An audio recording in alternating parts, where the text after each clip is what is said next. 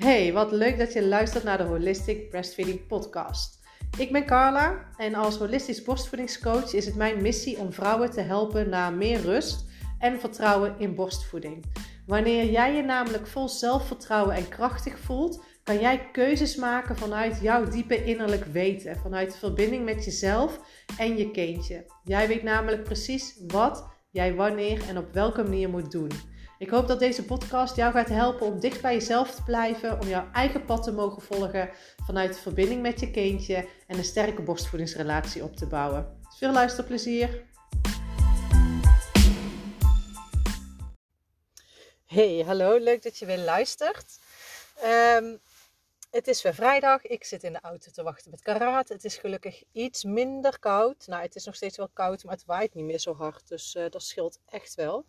Als ik nou s ochtends ga wandelen, moet ik echt wel de ramen krabben. Dat is toch echt wel even iets, iets heel anders wat ik niet echt gewend ben. Het is volgens mij naar mijn idee wel de koudste winter sinds ik hier woon.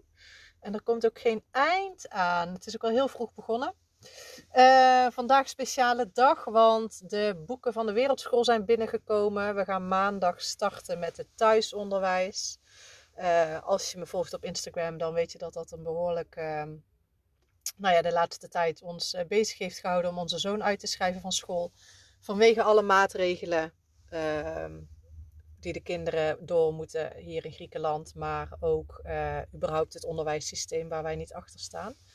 Ik ga er nog een keer een uitgebreide podcast over opnemen. Maar uh, ja, Danos is, heeft super veel zin. En uh, ja, groep 4 is even tandjes terugschakelen, want hij zat nou in groep 5. Maar ja, dan kun je gewoon opnieuw alles weer eventjes doorlopen als het om gaat om de tafels. En eh, weer, even de, hè, weer even terug naar de basis van rekenen. Zodat dat ehm, onder andere Um, maar hij doet het supergoed thuis. En uh, we zijn ook begonnen met Nederlandse, Nederlandse taallessen. Uh, gaat ook echt hartstikke goed dat hij al zoiets heeft van, nou alweer. Ik denk, nou dat is een goed teken, want dat betekent dat hij, dat hij het ondertussen dat stuk allemaal al wel weer door heeft. Um, maar ja, oh, het is een uh, hele mooie turbulente week geweest voor me. Ook wat mijn bedrijf betreft. Er zijn heel wat processen losgekomen. bezig met een nieuw aanbod. Of in ieder geval uitbreiding op mijn aanbod. Nieuw niet, wel een uitbreiding. En een verandering uh, als het aangaat op mijn Masterman Breastfeeding Tribe. Die gaat in prijs omhoog. Heb ik besloten. Dus uh, ja, super mooi omdat. Uh, ja, om, om altijd in zo'n periode te zitten dat je weer opnieuw dingen gaat creëren en alles weer onder de loep gaat nemen. En hey, uh, voelt het nog allemaal goed wat ik aan het doen ben en wat kan ik anders doen om de vrouwen nog meer te helpen. Dus er komt ook een heel mooi één op één aanbod uh, programma bij. Met individuele begeleiding en coaching door middel van videogesprekken. Maar het meest waardevol gaat de WhatsApp zijn. WhatsApp of Telegram ga ik gebruiken, maar in ieder geval voiceberichten uh, in de chat, privéberichten. Dat je daarin gewoon uh, op een zo kort mogelijke termijn natuurlijk de coaching van mij krijgt. Dus dat, dat gaat echt heel erg enorme impact maken op heel veel vrouwen. Dat weet ik zeker. Dat merk ik nu al bij mijn coaching in de tribe. En um, wat ik af en toe nu al in mijn DM's zie gebeuren op Instagram. Dus um, nou moet je nagaan als je helemaal uh, mijn focus voor jou alleen hebt. Dan uh, ja, ga je daar enorm veel profijt van hebben. Dus dat is super mooi. Um, en ja, door alle gesprekken die ik afgelopen week heb gevoerd, ik heb er hele mooie volgers bij gekregen, waardoor ik hele mooie interacties ook krijg op mijn stories en dus ook hele mooie vragen. En één daarvan is, um, ik heb deze week al wat eerder een YouTube, op mijn YouTube kanaal een filmpje geüpload over het feit of je wel genoeg melk hebt en hoe je dat kan zien.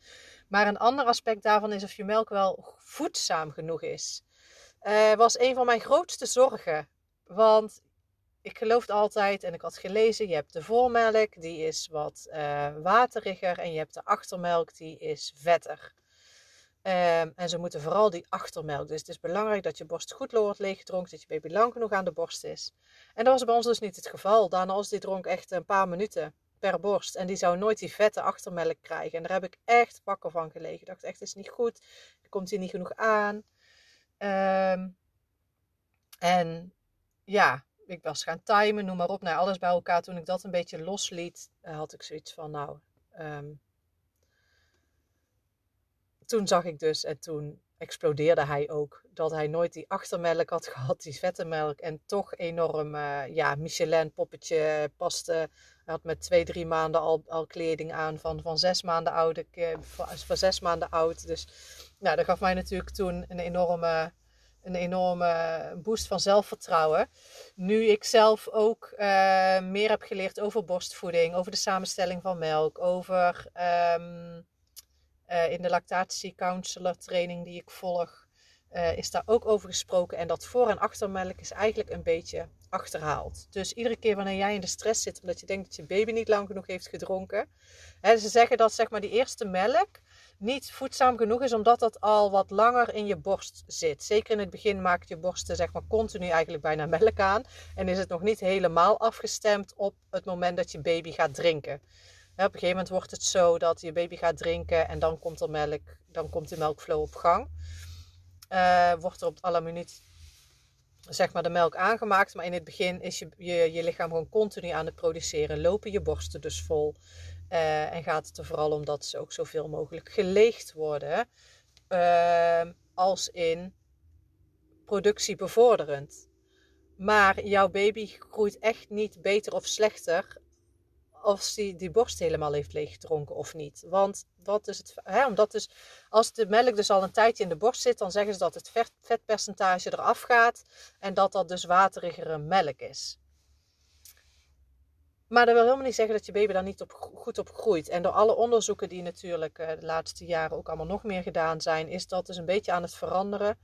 Uh, en is dat voor- en achtermelk um, achterhaald. Of hè, wordt het wat meer ontkrachtigd. Omdat ze vooral zien dat de melk door de dag heen en zelfs nog tijdens de voeding verandert.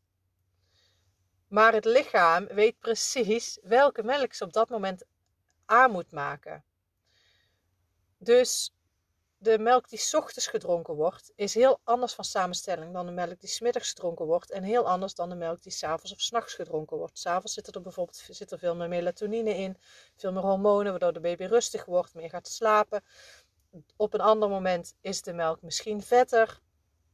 En ook dus tijdens het voeden wordt de melk à la minuut ook nog steeds aangemaakt, waardoor dat ook een ander percentage, eh, andere vetsamenstelling en, en, en uh, überhaupt een andere samenstelling heeft. Dus wat je vaak ziet op het moment dat je hebt gekolfd en je zet het flesje neer, dan merk, zie je dat dat vet naar de, naar de bovenkant gaat. Hè?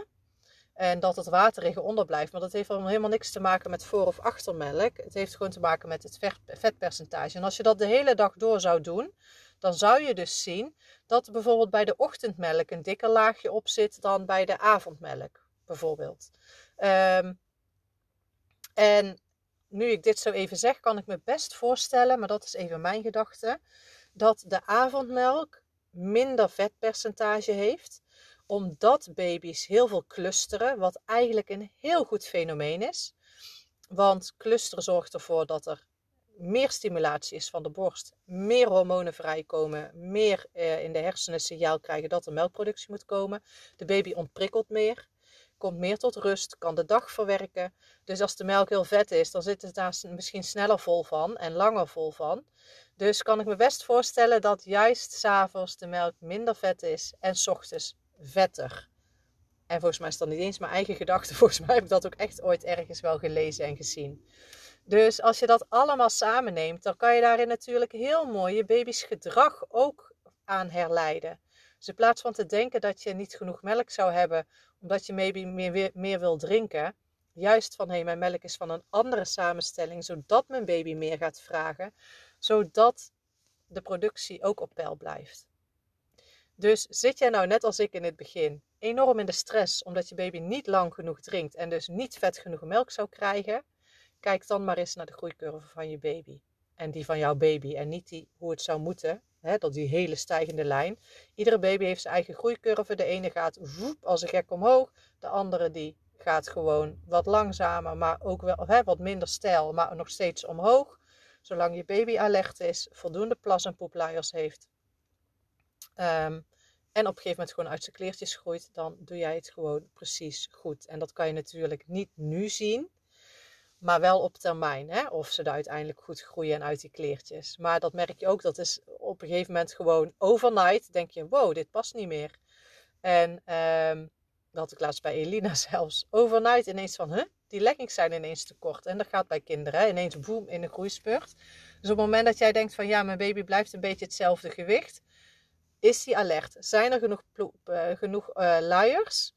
En dan zal je na een tijdje misschien zien van, hey, deze keer lijkt de curve niet heel enorm gestegen. En dan daarna gaan ze ineens wel weer een hele loop nemen. Dus uiteindelijk is de truc altijd om te blijven kijken naar je kindje.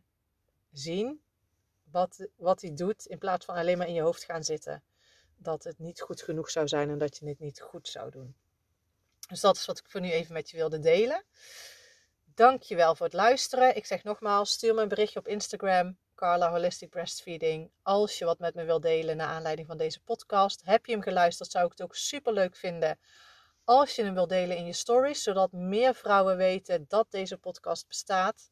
En uh, ja, gewoon meer vrouwen zich ook uh, empowered en positief kunnen voelen over een borstvoedingsreis. Nou, dankjewel voor het luisteren. Wil je al meer weten ook over mijn 1 op 1 aanbod of over de tribe? Stuur me dan ook een berichtje via Instagram en dan hou ik je van alles op de hoogte. Nou, dankjewel voor het luisteren en een hele fijne dag. Doei!